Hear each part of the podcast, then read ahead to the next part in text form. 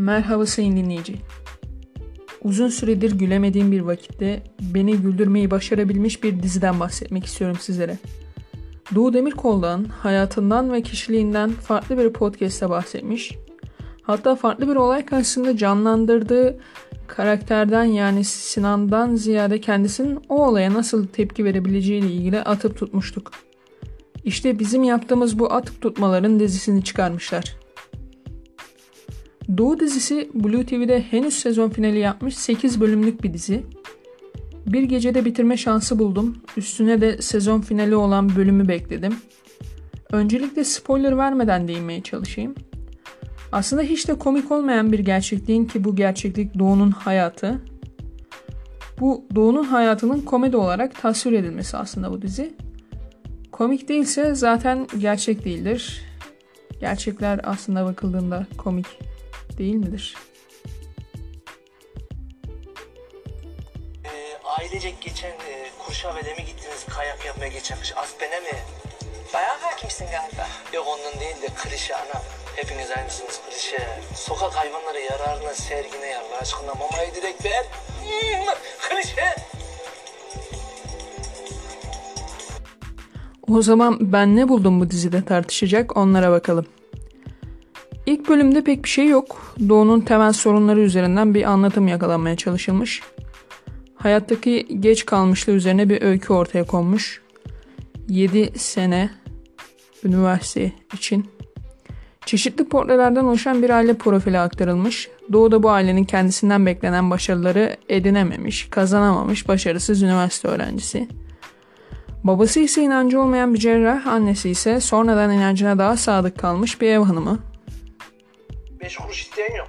Parayı veren düdüğü çalar. Ben sizden bir şey istersem o zaman karışın. Beş kuruş isteyen yok sizden.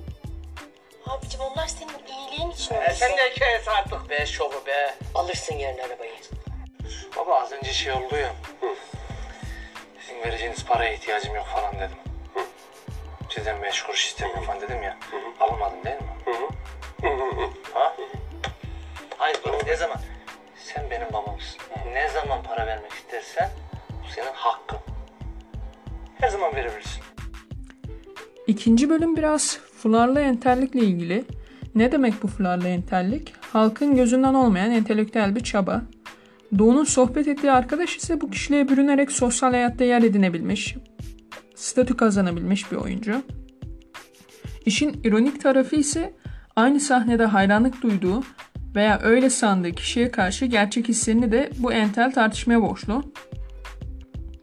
Asıl önemli olan nokta Doğu'nun bu tartışmada nerede konumlandığı, Doğu aslında gerçeklerin aktarılması ve doğal bir ortamın oluşturulması gerektiği fikrinde. Sanatın romantikleştirilerek aktarılması da bana romantikleştirilen her şeyin bir noktada sahte olduğu gibi örneğin kitap okumanın bir kokusu olduğunu ve bu kokuyu tatmanın çok elzem bir önem teşkil ettiği gibi Quizin iptal edilmesi elzem. Öğrencilerin salahiyeti açısından bu quizin iptal edilmesi elzem bir önem teşkil etmekte. Zeynep hocam dizide yer almıştı bu da. Aynı kelimeleri yan yana getirerek pekiştirme çabası. Neyse işte kitapların dizilişiyle ilgilenmek ve kitapları bir Instagram köşesi haline getirmek, yani romantikleştirmek, kitap okumayı sahteleştirdiği gibi sanatı da böyle bir romantizme sokmanın onun sahteleştirilmesine neden olduğunu düşünüyorum.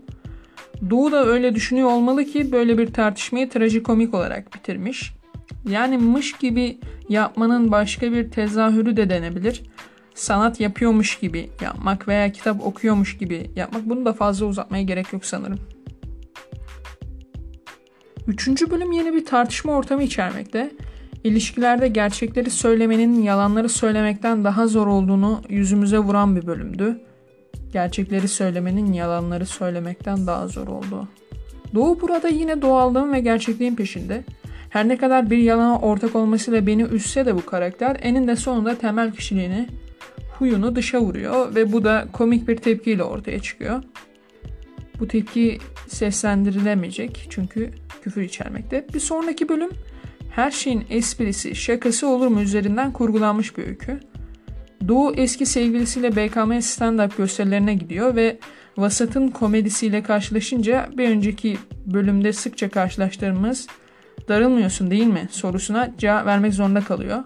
Sanki bu sorunun birden fazla cevabı varmış gibi defalarca kendisine soruluyor bu soru. Her bölüm bu şekilde gitmeyelim isterseniz. Bir diğer dikkatimi çeken sahne klişe sahnesi. Çarpıcı bir sahneydi. Sokak hayvanları için sergi açılması üzerine getirilmiş gerçekçi bir eleştiriydi bu. Siz ülke ekonomisine yön veren çok önemli bir ailenin kızıydınız değil mi? Evet. Çok özür dilerim sizden. Önemli değil canım. Geçen kıymetli anneniz sokak hayvanları yararına bir e, sergi düzenlemişti değil mi? Bravo. Bravo. Ne kadar asil bir davranış. Ne kadar asil bir davranış. Ben ne yaptım ya? Ben ne yaptım? Hatta şey, e, ailecek geçen e, Kurşavel'e mi gittiniz kayak yapmaya geçen kış? Aspen'e mi? Bayağı hakimsin galiba. Yok onun değil de klişe anam. Hepiniz aynısınız klişe. Sokak hayvanları yararına sergine ya. Allah aşkına mamayı direkt ver. Klişe. Gelelim son bölüme. Doğu Demirkol'un yeteneksizsinize çıktığı hikayenin arka planını aktarmış bu son bölüm. Aslında kitleyi güldürememesi nedeniyle başarısızlıkla sonuçlanan bir serüven bu sezon finaliyle son bulmuş oluyor. Yeteneksizsiniz sahnesini sonda vermişler fakat asıl kendi karakterinin kişiliğini ortaya koyduğu jürilere karşı tutumunu aktarmamışlar. Ahlat Ağacı filmini incelerken şundan bahsetmiştik. Doğu Demirkol tıpkı e, Ahlat Ağacı'ndaki Sinan karakteri gibi hayatta bir yere varamamış fakat bir yere varmak adına hedefleri, kendini aşan hayalleri olan biriydi. Hem Sinan hem Doğu. Sinan Ahlat Ağacı filminde vasata karşı savaş açmış gibi gözüküyordu. İnsanların sanrı halinde olan gerçekliklerini yüzüne vuruyordu. İşte bu noktada Sinan ve Doğu arasında bir benzerlik kurmuştuk. Zaten Doğu dizisinde birkaç yerde sözünü ettiği Nuri Bilge Ceylan'ın Doğu Demirkol'u kendi filmine layık bulmasının, layık görmesinin nedeni de bu olabilir. Peki bu neden ne?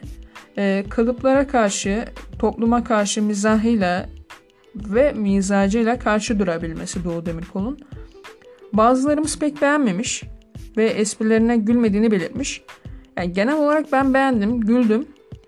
Fakat zaten espri anlayışı dediğimiz şey kendi gerçekliklerimizden kaynaklandığı için böyle bir farklılık oldukça doğal. Üstüne üstlük gerçekleri algılayışımız da oldukça farklı. Bu yüzden de beğeniler üzerinden bir yargıya varmak da çok doğru değil. Neyse bu kanalda dizi incelemeleri çok yapmayı düşünmezdim. Fakat iş e, söz konusu Doğu ve Ahlat Ağacı olunca bu sayede yapmış olduk. Umarım beğenirsiniz. Görüşmek üzere. İyi günler.